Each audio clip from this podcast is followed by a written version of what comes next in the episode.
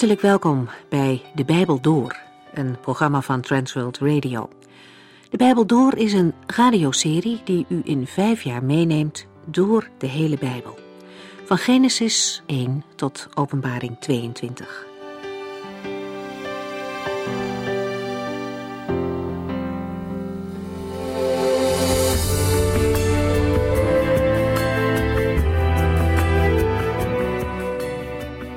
Vorige keer begonnen we met een gesprek tussen David en zijn zoon Salomo. David is oud en voelt dat hij niet lang meer te leven heeft. Hij heeft de troon aan Salomo overgedragen en geeft hem als het ware de laatste instructies mee. Dan gaat het om dingen die echt belangrijk zijn. Op zo'n moment verdwijnen alle oppervlakkige zaken. David motiveert Salomo allereerst om een krachtig en waardig opvolger te zijn en zich te houden aan de wetten van de Heere. David kan uit ervaring spreken dat het goed is om de wegen te gaan die God wijst. En nu wil hij niets liever dan dat zijn zoon, de nieuwe koning, ook de weg van God trouw zal gaan, dat hij voor zijn volk tot rijke zegen kan zijn. Bovendien zal het koningschap dan ook in de familie blijven. En vervolgens geeft David Salomo opdracht om drie kwesties af te handelen die zijn blijven liggen. Twee mensen zijn nog ongestraft gebleven voor een ernstig vergrijp tegen de koning. Dat zijn Joab en Simi. En David geeft aan dat Salomo verstandig genoeg is om te weten wat hij met hen moet doen. Daarentegen is Barzilai onvoldoende beloond. Deze tachtigjarige man bracht David voedsel en alles wat hij nodig had toen David moest vluchten voor Absalom. Salomo mag zijn zonen belonen voor het goede werk van hun vader. Koning David sterft na een regeringsperiode van veertig jaar. Hij heeft het land groot gemaakt en vrede gebracht. David is in het verdere boek een maatstaf waaraan de volgende koningen worden gemeten. Salomo's koningschap begint met een onschuldig klinkend verzoek van zijn halfbroer Adonia. Salomo doorziet hem echter en beseft dat Adonia nog steeds uit is op de troon. En daarmee verspeelt Adonia zijn eerdere kans en genade die Salomo hem had gegeven, toen hij probeerde koning te worden. En hij wordt alsnog gedood. We lezen nu verder over de wijsheid van Salomo vanaf 1 Koningen 3.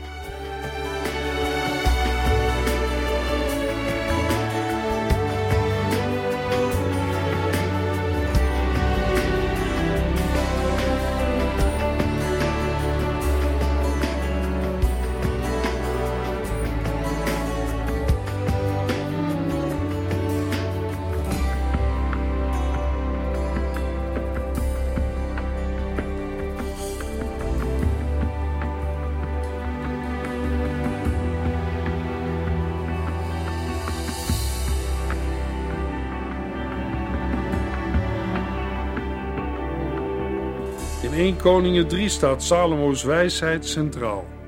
In de eerste verse van 1 Koningen 3 lezen we dat Salomo zich verzwagert met de koning van Egypte door met zijn dochter te trouwen.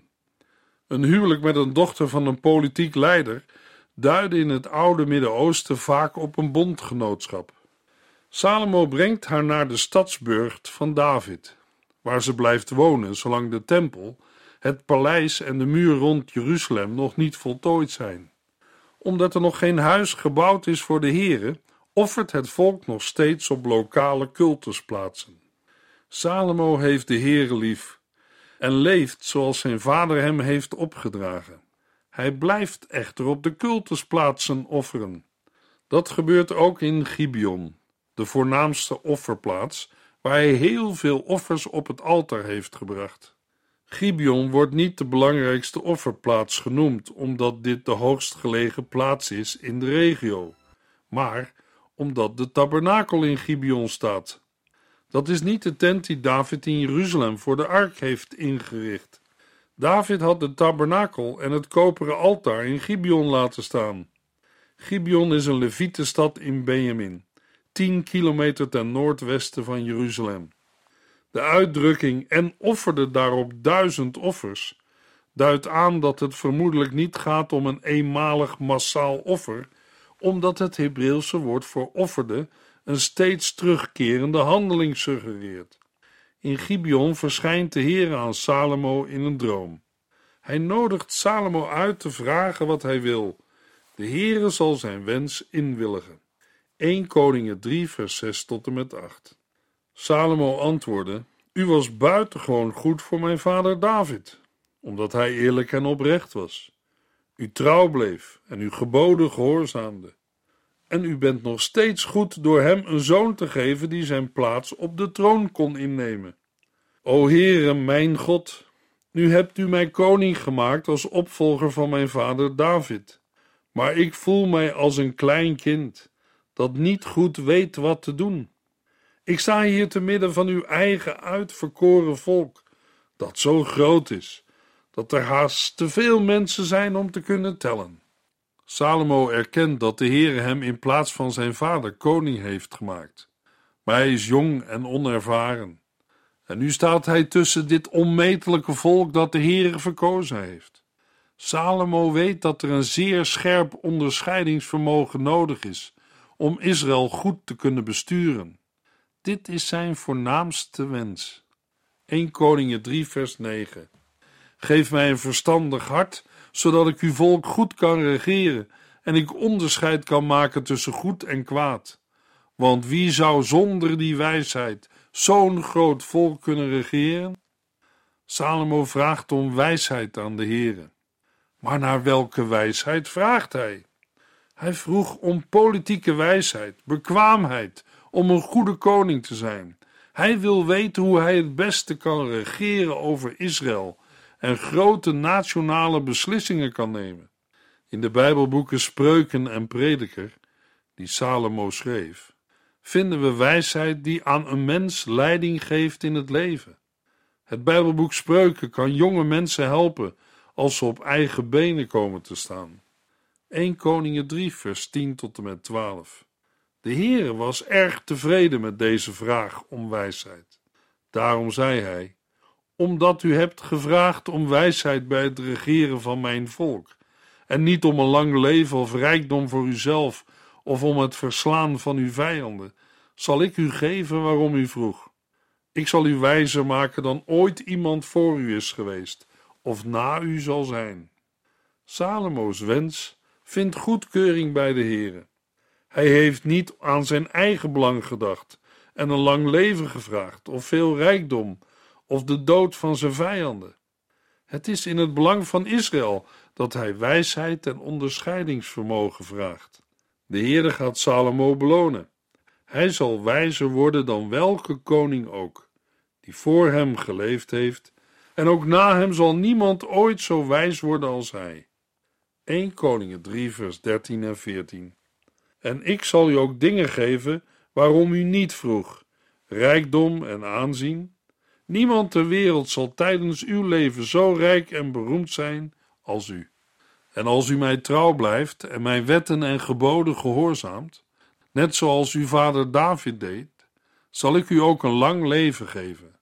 Bovendien zal Salomo krijgen wat bij hem niet op de eerste plaats kwam: rijkdom en eer, meer dan welke koning ook.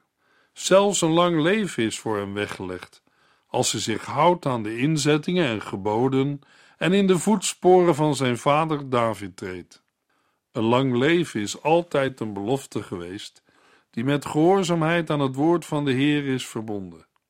1 Koningen 3 vers 15 Toen werd Salomo wakker en besefte dat de Heere tot hem had gesproken in een droom.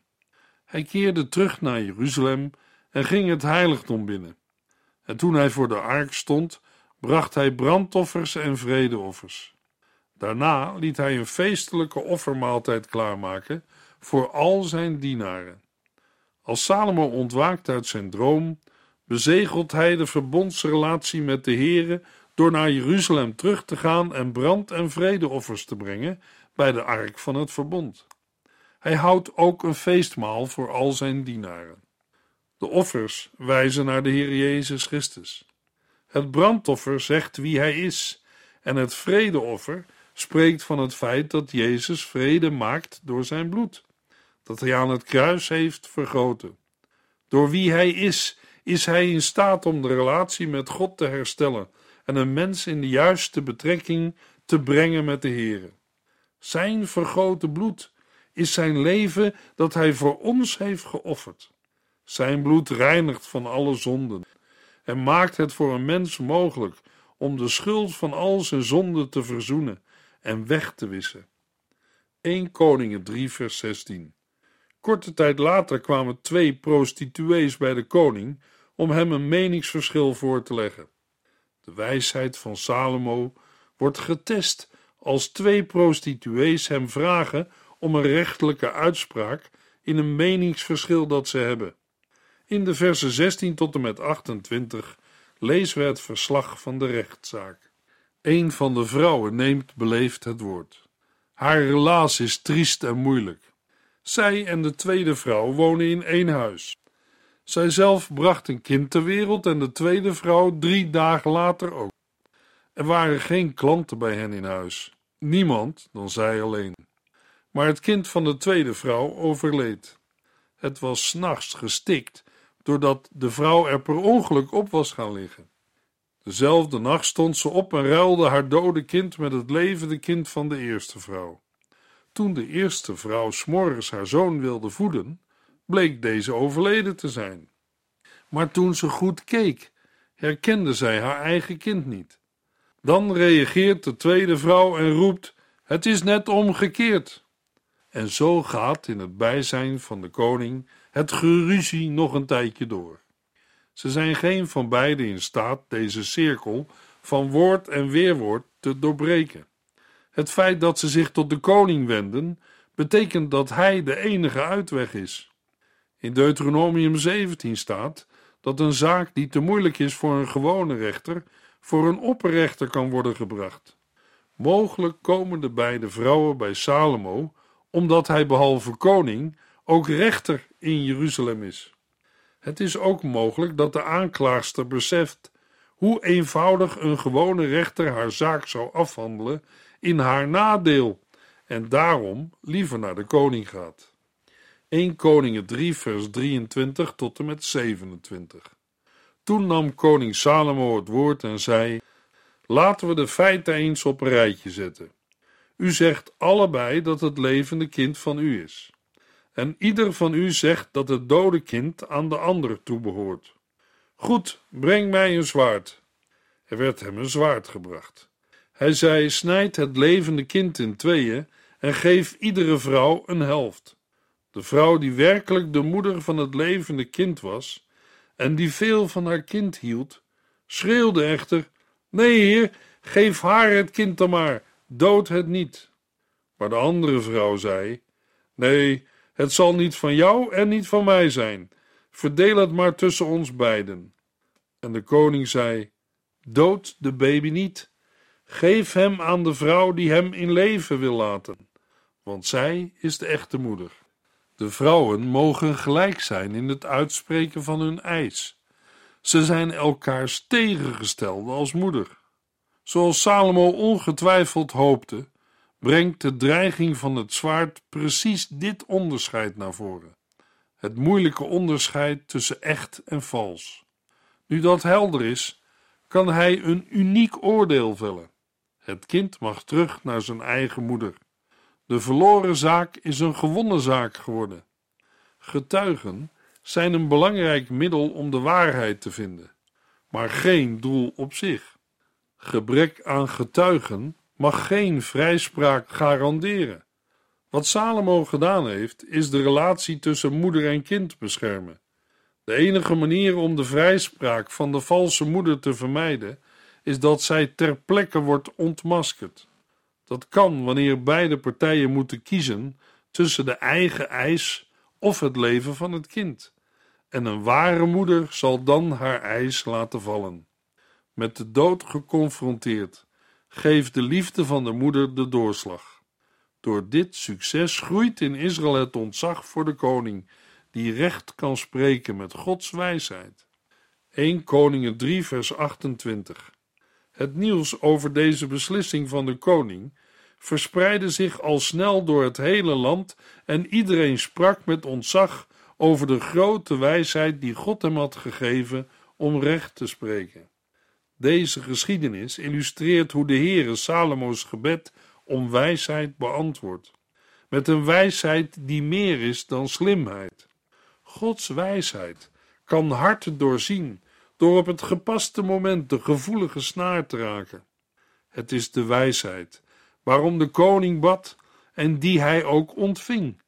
En al het andere werd hem bovendien gegeven.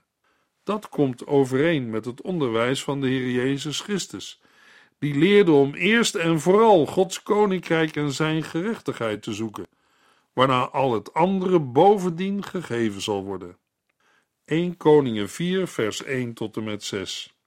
Koning Salomo regeerde dus over heel Israël. Hier volgt een lijst van de mannen die onder zijn leiding het land Israël bestuurden. Azaria, de zoon van Sadok, was hoge priester. Eligoref en Achaia, zonen van Sisa, waren secretarissen. Jozefat, de zoon van Achilud, was kanselier. Benaja, de zoon van Jojada, was opperbevelhebber van het leger.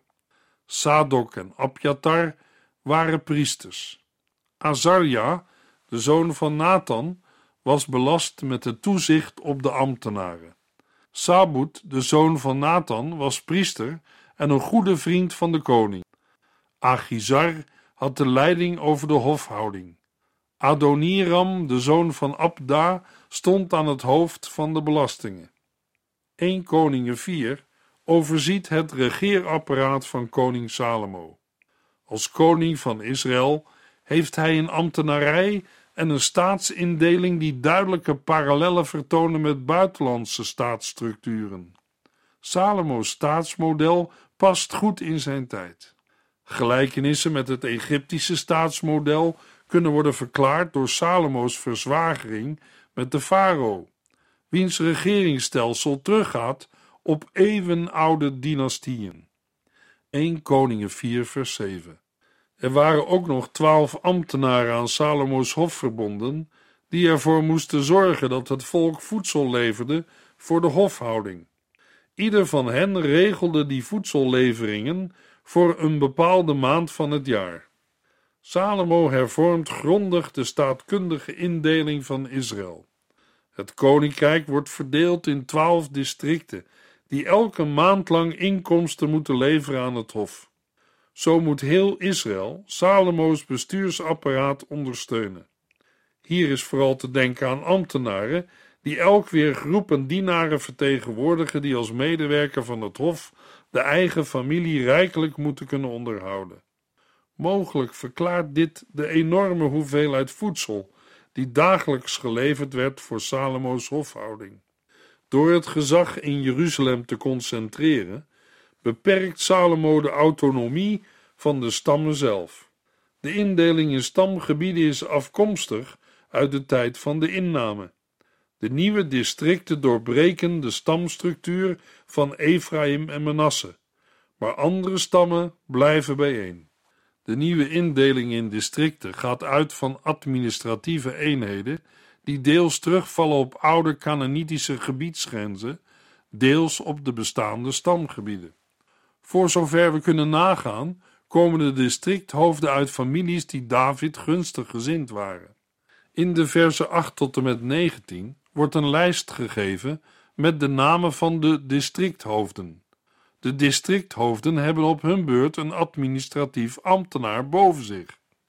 1 Koningen 4 vers 20 en 21 Israël en Juda vormden in deze periode een rijke en dichtbevolkte staat, waar tevredenheid heerste.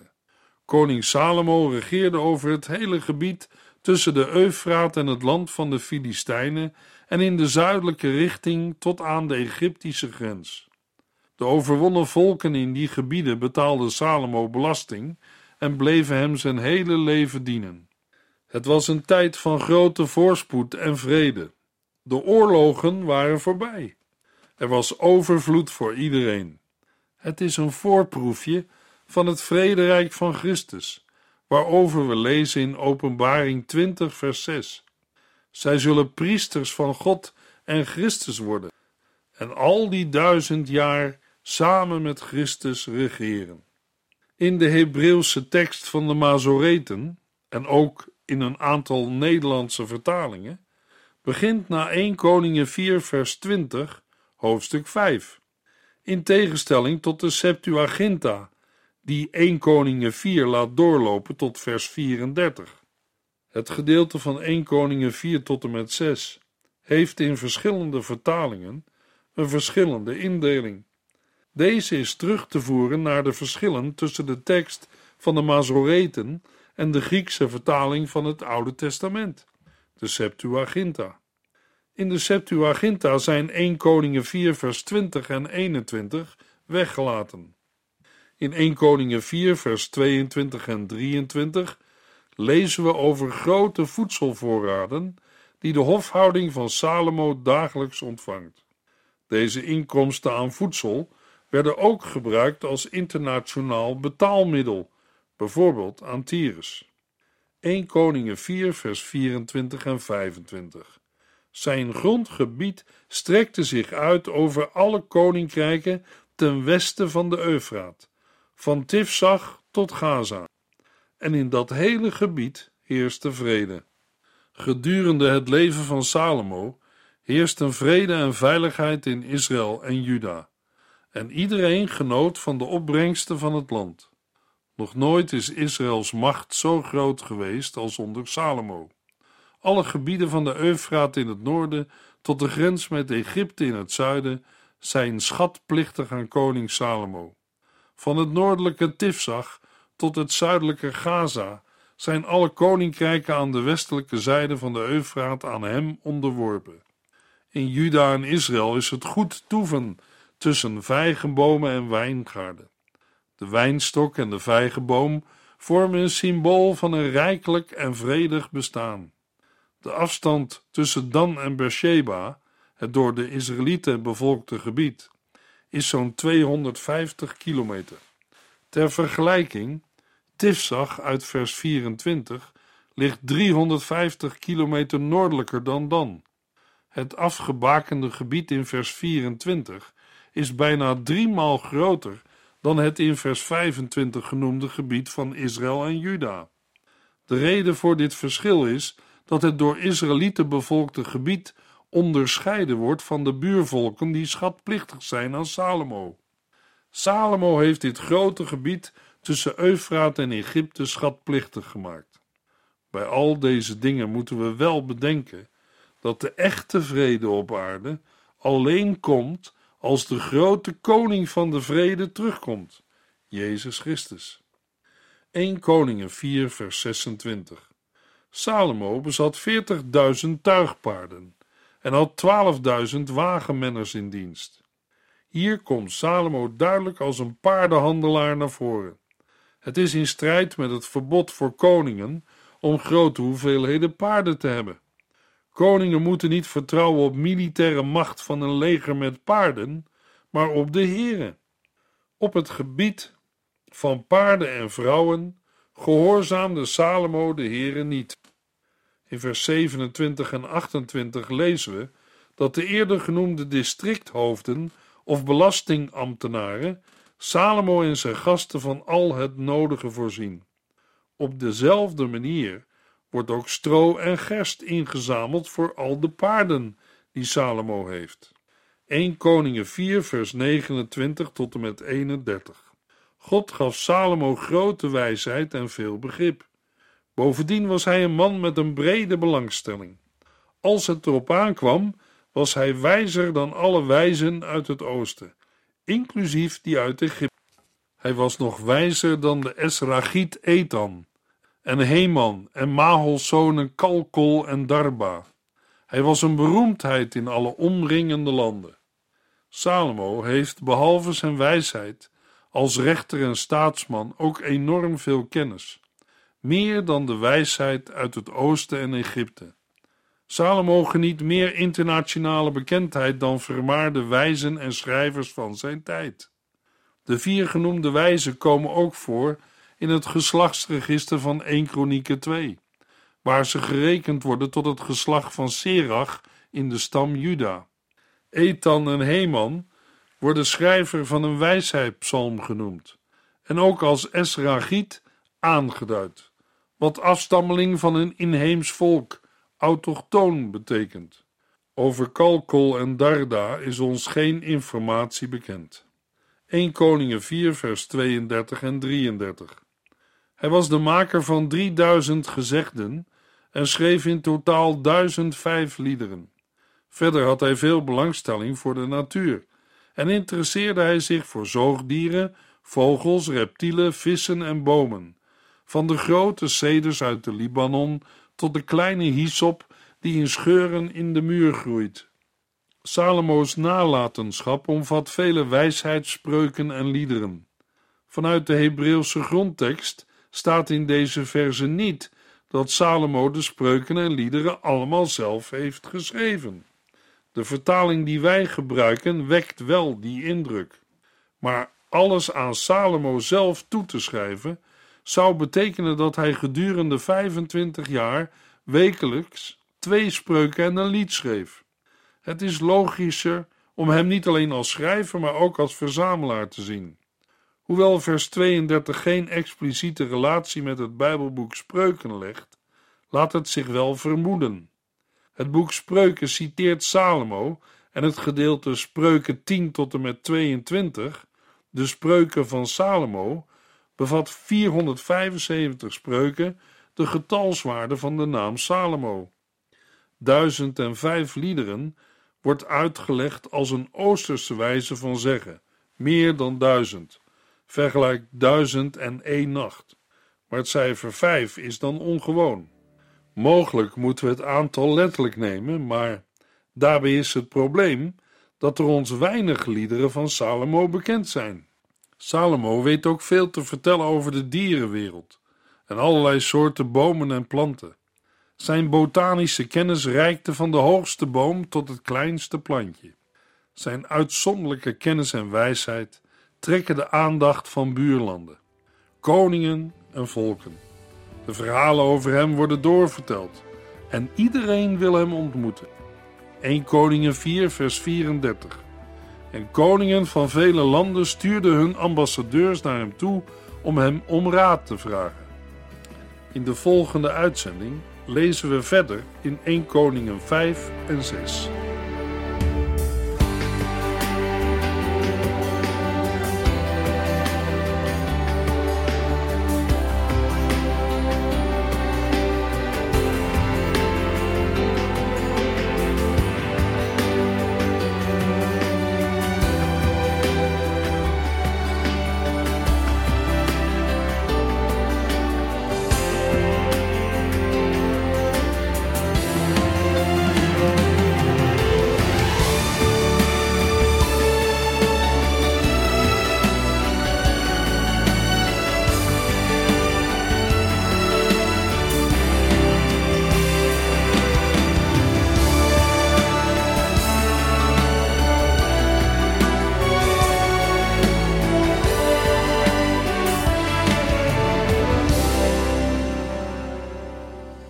Geluisterd naar De Bijbel Door.